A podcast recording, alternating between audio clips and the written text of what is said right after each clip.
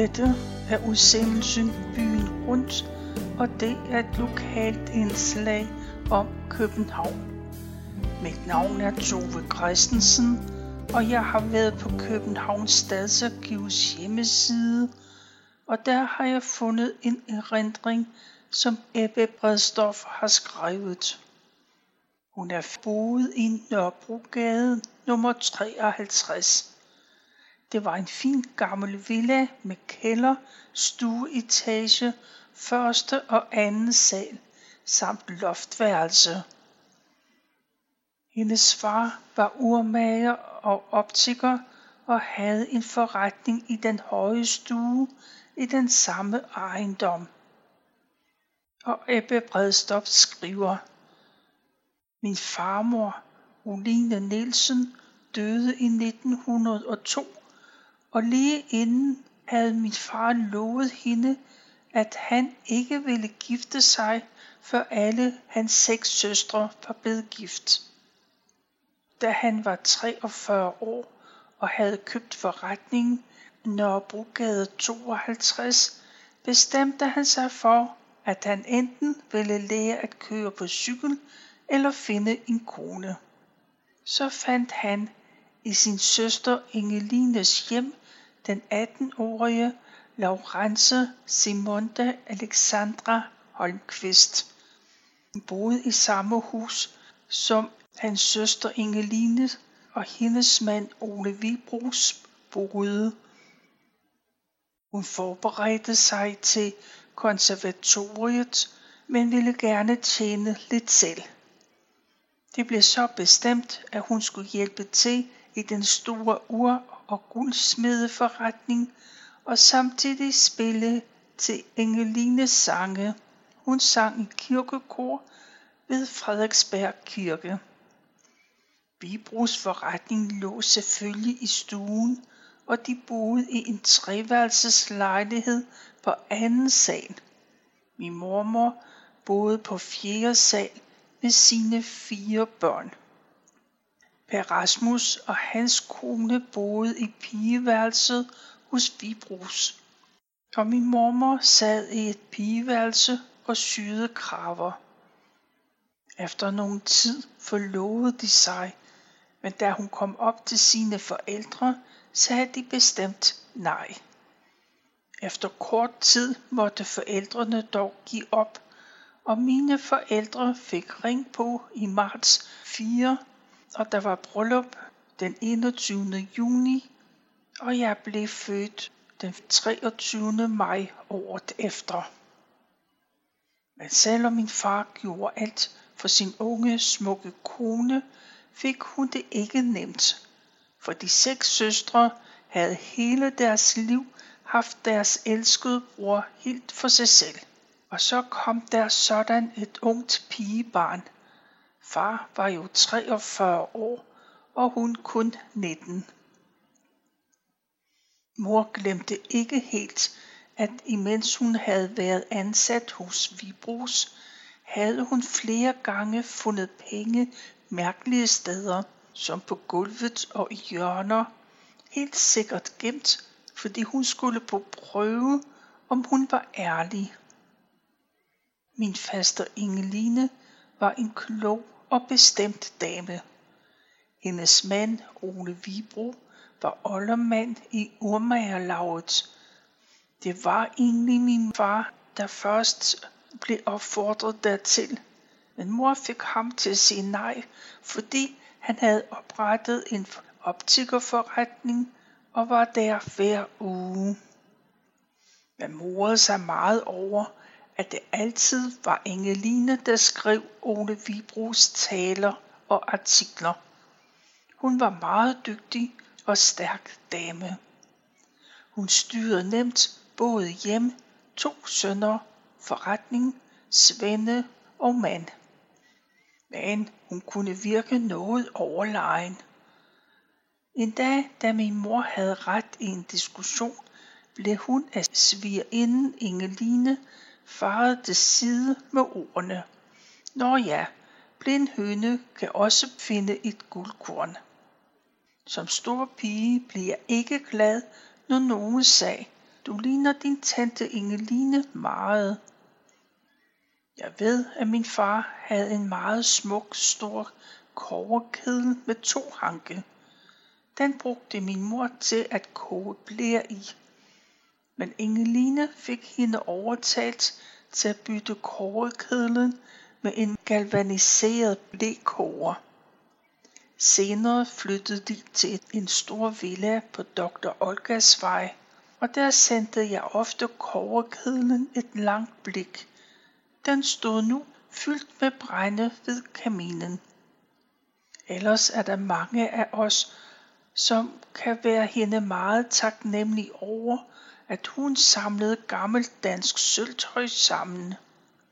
Forretningen købte det for sølvprisen, men hun nændede ikke at lade det smelte om, så jeg har mange skeer og gafler, som stammer fra hende. Hun var ret stor, men rank, alvorlig og bestemt. På et punkt var hun ikke så streng. Det var, da den yngste søn Paul var halvstor. Så kaldte hun af ham mors lille sommerfugl. Drengen var ulykkelig. Men en dag sagde Paul, at nu ville han altså ikke finde sig i det længere. Hvis moren sagde, mors lille sommerfugl, så satte han sig hen i et hjørne af stuen og blev ved med at bøje sin pegefinger op og ned, indtil hun fandt ham og bad om undskyldning. Ingen anede dengang, at han skulle blive professor og leder af byplanlægningen på Frederiksberg. Den ældste søn, Gunnar, han var nok et par år ældre end mig. Forældrene på begge sider mente nok, at det kunne være en god idé, hvis vi kunne finde sammen. Men vi gad efterhånden dårligt at se hinanden.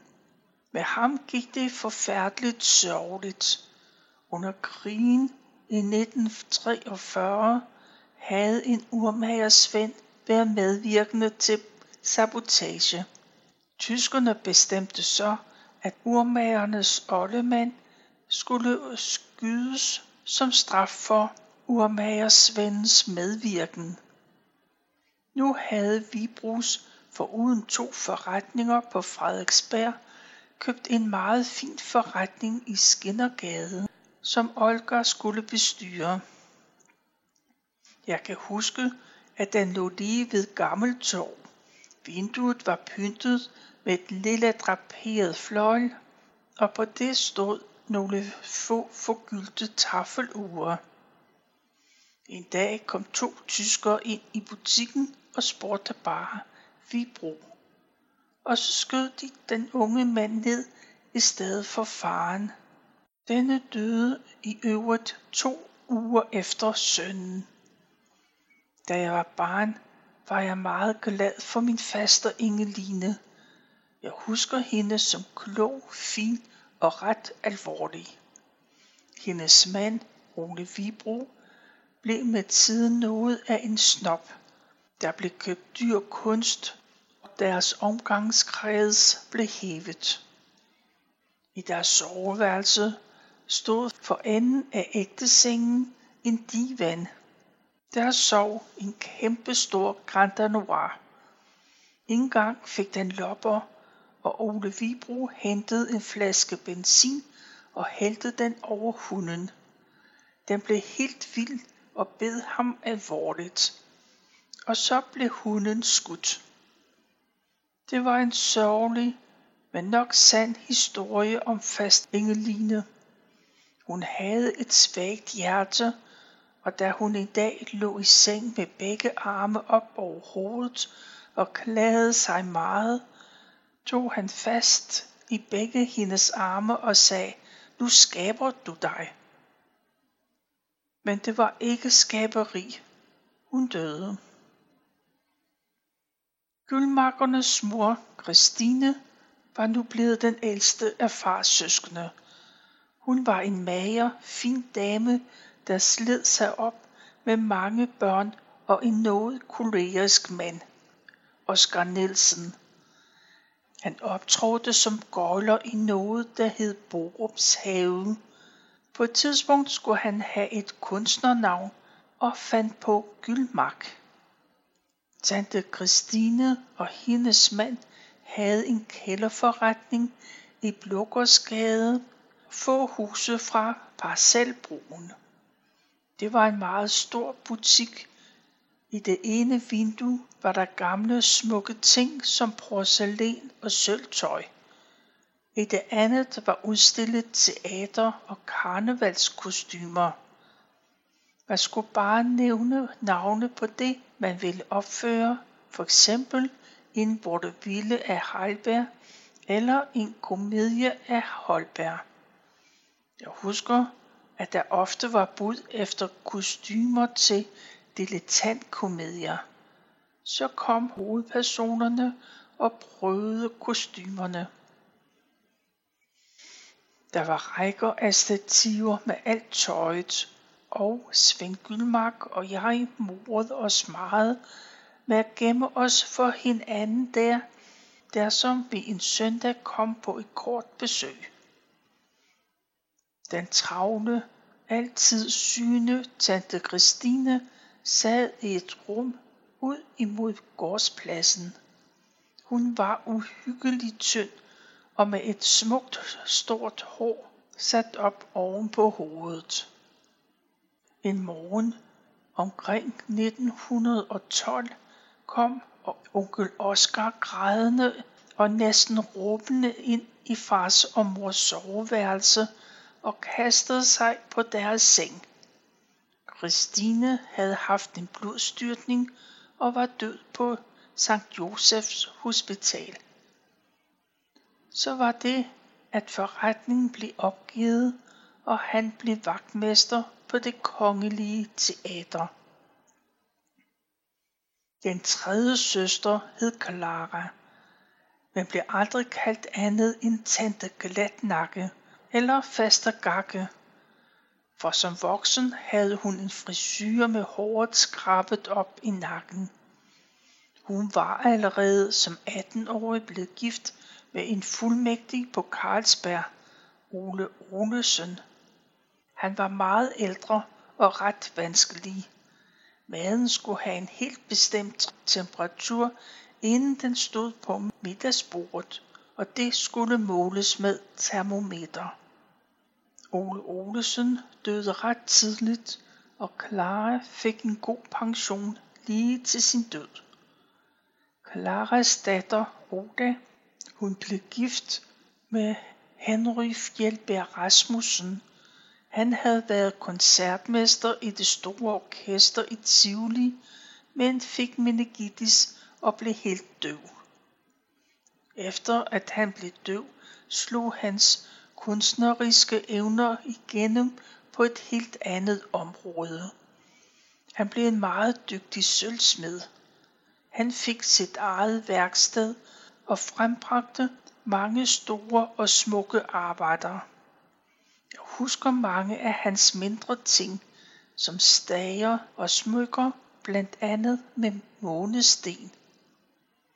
Men virkelig god kunst var ikke altid godt betalt, så det var nok ikke så dårligt, at Odas mor, tante Glatnakke, fik en god pension fra Carlsberg, samtidig med, at hun syede kjoler. Min mor lærte hurtigt tegnsprog så hun og Henry havde god kontakt. Han kunne ikke høre sin egen stemme. Den var helt i falset. Det var ham, som sagde, jeg går altid i dødningetøj. Det vil sige, han gik i arvet tøj. Det var et dejligt gæstfrit hjem at komme i. Fasteren var et meget levende menneske med åbne sanser. En overgang dyrkede hun spiritisme og senere blev hun unitar og kom i det fri kirkesamfund, hvor Birkedals søn Uffe før havde været præst. Senere blev hun igen glad for folkekirken. Jeg mindes med glæde hjemmet på Balders plads, hvor vi i nytårsaften holdt fest med alt, hvad der hørte til af fyrværkeri i gården, forskellige spil kort med mere. Og klokken 24 gik vi til gudstjeneste i den nærliggende kirke. Senere flyttede familien til Nordre Fasanvej lige over for Frederiksberg sygehus. De to piger, Lise og Karen, fik en lillebror, Ole. Han var et sjældent smukt barn med mørkebrune øjne og et kulsort hår. Han lignede en lille prins med sit sorte fløjelstøj med hvid krave. Min kusine Oda havde på sine lidt ældre dage stor glæde ved at samle enkelte af familien til gode eftermiddagsselskaber med dejlige hjemmebagte kager. Tante Glatnærke og barnebarnet Karen, som nu var voksen pige, syede julesyning. Lise havde en stor stilling som fuldmægtig på KTAS. Lise Fjeldberg er en af de eneste af min fars slægtninge, jeg nu mødes med. Agnes er nok kommet lige efter min far.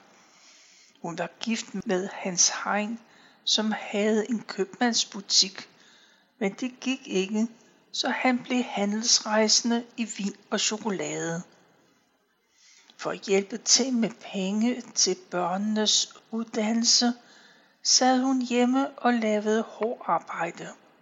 Fire-fem fine lange hår, altså damehår, blev samlet med lidt voks med lim i, og de blev så sat sammen til perukker og lignende. De boede i min barndom på Nørrebrogade nummer 40, så det var jo nemt at smutte derhen.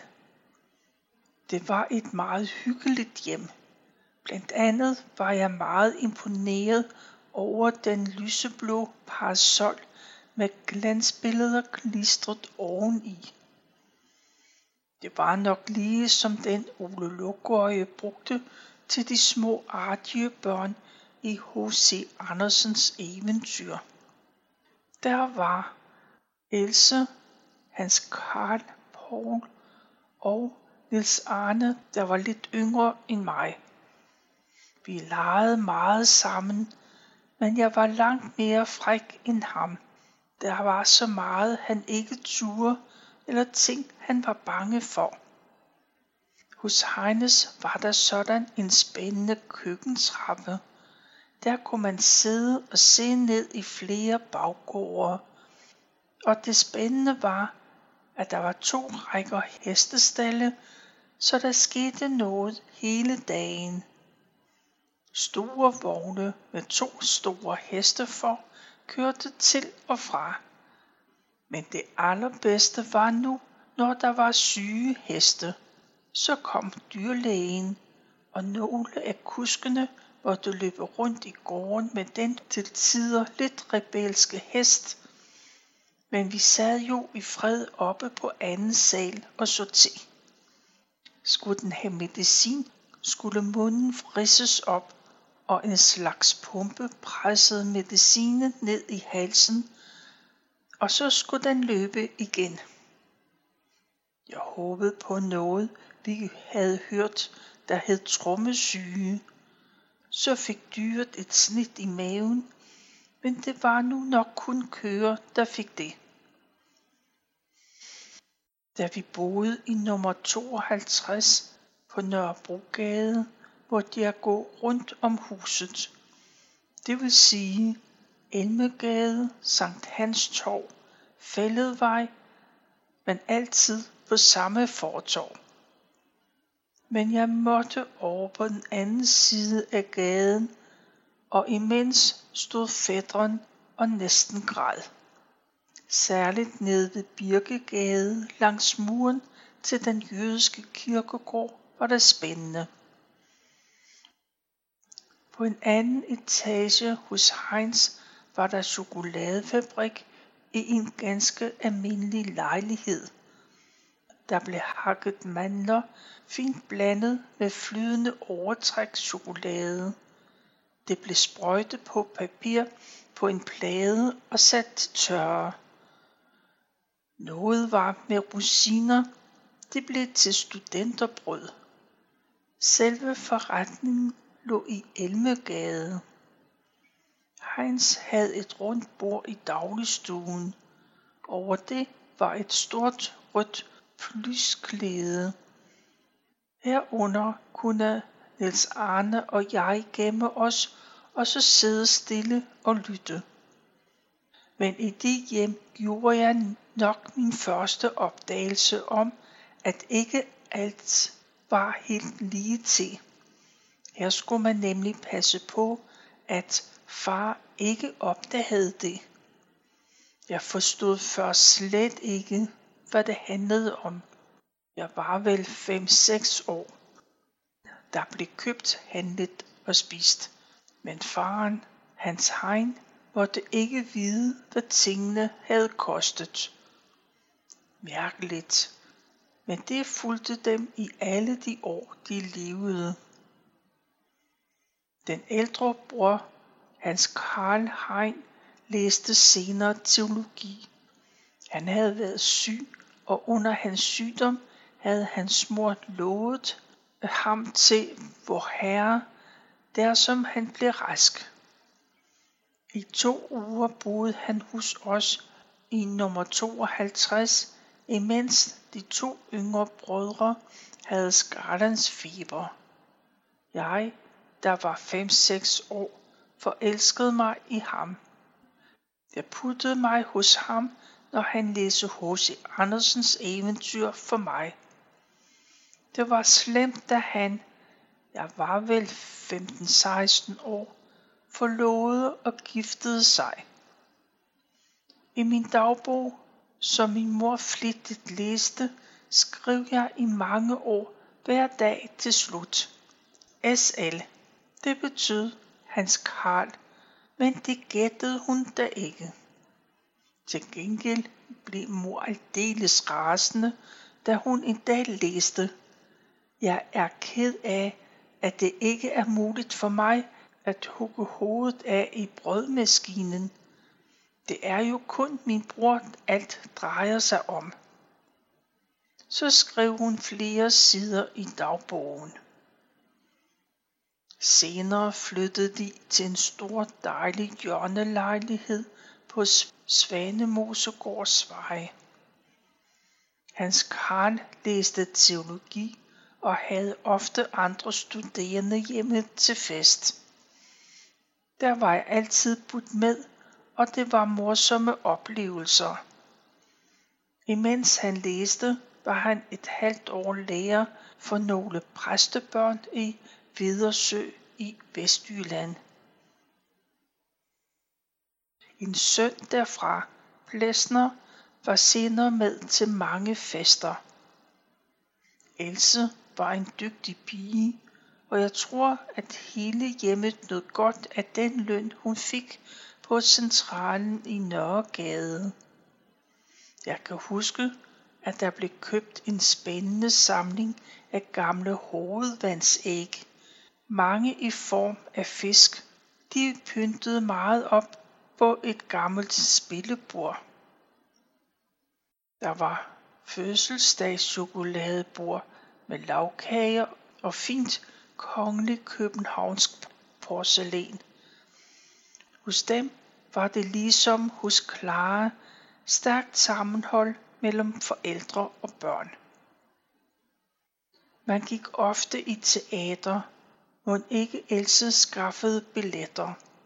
Hun blev trofast ved med at bo hjemme hos de to gamle forældre. Da de døde, blev hun i lejligheden og fik den gjort i stand fra ende til anden. Nils Arne boede der en tid, imens han også læste teologi. Så blev Else 60 år og glædede sig helt utroligt til selv at blive alene i den store, dejlige bolig. Så lige inden hun skulle holde op i KTAS, gik hun bagom en linje 2 og blev kørt ihjel af en modkørende sporvogn. Hun havde hver dag i 40 år kørt med linje 2 på arbejde. I mange år var hun til stor hjælp hos Niels Arne, som havde en lille åndssvag datter. Der var Else til stor opmundring i præstegården. Hans Karl nåede lige at få udgivet en bog om gamle stenmestre, inden han døde i 1986 som 94-årig. Så må det blive faste Ingeborg, den yngste af søstrene. Om hendes barndom ved jeg jo ikke ret meget, men hun plagede alle omkring sig med at fortælle om sin ulykkelige kærlighed til en musiker, som hun havde elsket højt, men ikke fået. Hun var blevet gift med en installatør, der hed Sierlin. Han havde en forretning på Vesterbro, men meget hurtigt fandt han ud af, at han havde handelstalent, så han slog sig på handel med malerier. Han var ikke rar, men vi kom en hel del sammen. Han elskede at prale. Nu var der det sørgelige, at deres eneste datter, Inga, fik børnelammelse efter en juletræsfest, og hun blev halvt invalid. Hendes ene ben og arm var dårligt. Det, det førte med sig, at hun og den i forvejen lidt triste mor blev stærkt bundet til hinanden. Meget hurtigt fik Sierlin fart i sin handel. Vi har hørt, at når han skulle ud hos klunserne og købe billeder, så tog han en gammel laset frakke på og slog kraven op om ørerne og så slemt sølle ud. Så kom hans ramse. Jeg er en fattig mand, som har en syg datter og en vanskelig kone. Så fik han nogle billeder billigt, så satte han en smuk ramme i. Derefter gik turen til læger, tandlæger og sagfører, men nu var han iført pænt tøj. Han lærte snart, hvilke kunstnere de forskellige foretrak. I de år jeg var hos maleren Viggo Pedersen, frygtede jeg altid, at han skulle komme der. Købte et dejligt landsted på auktion. Alt fulgte med. Møbler, porcelæn med mere. Der var vi nogle gange i sommerferien. Det hed Granly eller Granhøj og lå i nærheden af Hornbæk. Han havde også nogle ejendomme omkring gasværket på Østerbro. En af dem boede de om vinteren. Det var ikke noget lykkeligt hjem. Hun var et stakkels menneske, min faster Ingeborg. For hun gik altid og sagde, vi lever og er enlige som en helhed. Og så er det bare, at der er to halvdele. Og hvis så ikke de rigtige halvdele finder hinanden, ja, så bliver man jo aldrig lykkelig. Det var så langt jeg nåede af Ebbe Bredstofs erindringer.